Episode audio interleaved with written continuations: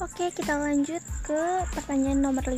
Jadi, apa perbedaan uh, perusahaan ekonomi Islam, perusahaan Islam maupun perusahaan Islam?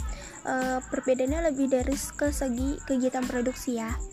Jadi, kalau misalkan uh, di kegiatan perbedaan di dalam kegiatan produksi ada yang namanya seluruh kegiatan produksi yang terikat pada tataran nilai moral dan teknikal yang islami. Nah, uh, menurut Meta Metwali itu pada tahun 1992 mengatakan perbedaan dari perusahaan non Islami itu tidak hanya pada tujuan tetapi juga pada kebijakan-kebijakan ekonomi dan strategi pasarnya. Nah, produksi barang dan jasa yang dapat merusak moralitas dan menjauhkan manusia dari nilai-nilai religius yang tidak dapat tidak akan diperbolehkan.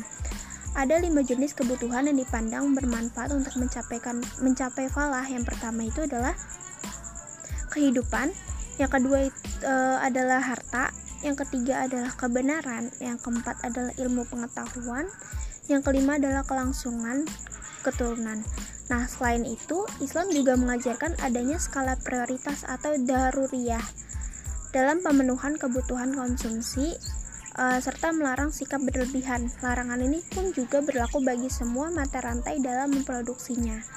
Nah, dalam kegiatan produksi harus memperhatikan aspek-aspek sosial. Kegiatan produksi harus menjaga nilai-nilai, keseimbangan, dan harmoni dalam lingkungan sosial. Jadi seperti itu.